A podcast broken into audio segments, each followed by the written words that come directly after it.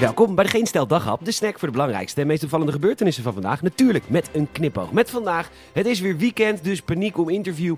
Kat weer lekker bezig en Gouden Kalf is Gouden Stier geworden. Mijn naam is Peter Bouwman en dit is de dag, zaterdag 2 oktober.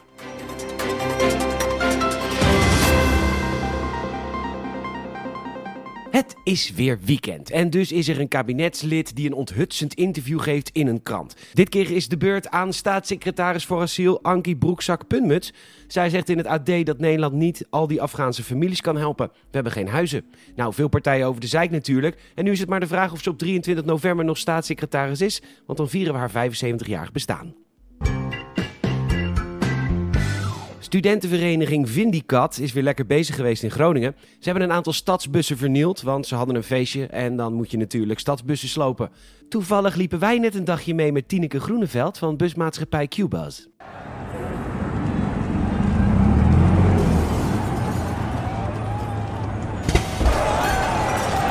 Even een mededeling, wij gaan niet via de grote markt. Dus Zuiderdiep, Dieperijn en dan vervolg ik mijn auto.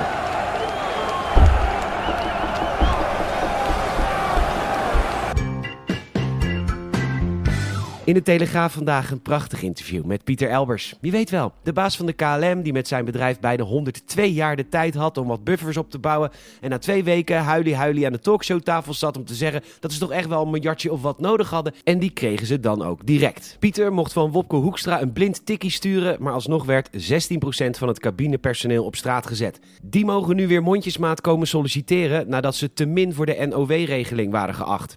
Ook wordt gezegd dat 2020 het slechtste jaar was in de geschiedenis geschiedenis van KLM.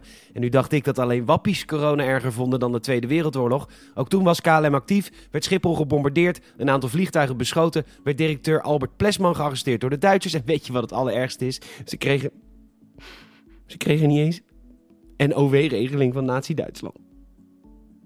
Zoiets komt even aan. Van harte gefeliciteerd. Vetja van Nuet en Jorek van Wageningen. Deze twee heren hebben een gouden kalf gewonnen voor respectievelijk beste hoofd- en bijrol in de film De Veroordeling. En omdat er geen aparte mannen- en vrouwenprijzen zijn, was er geen vrouw te zien op het podium van de Nederlandse Oscars. Ja, en nu zijn dus heel veel mannen en vrouwen boos. En nu worden de organisaties achter de gouden kalveren door de mangel gehaald. Maar ja, wat als er volgend jaar een vrouw wint? Is dat dan een compensatie voor dat dramatische jaar dat alleen maar mannenprijzen wonnen? Of wat als er volgend jaar weer alleen maar mannelijke winnaars zijn? Is de organisatie dan niet seksistisch? Wat een gedoe allemaal! Het wordt echt een ramp als de Olympische Spelen straks stoppen met genderonderscheid. Heftig! Nou ja, de film De Oost kreeg één kalf voor beste muziek, gemaakt door Gino Taihuto, man. De film De Slag om de Schelde kreeg vijf kalveren en zelfs daar was geen vrouwelijk succes. De naam De Schelde is namelijk bedacht door een hele nare man, Julius Caesar. In het AD komt gedragspsycholoog Chantal van der Leest aan het woord. Ze heeft het over self-licensing. Oh my god.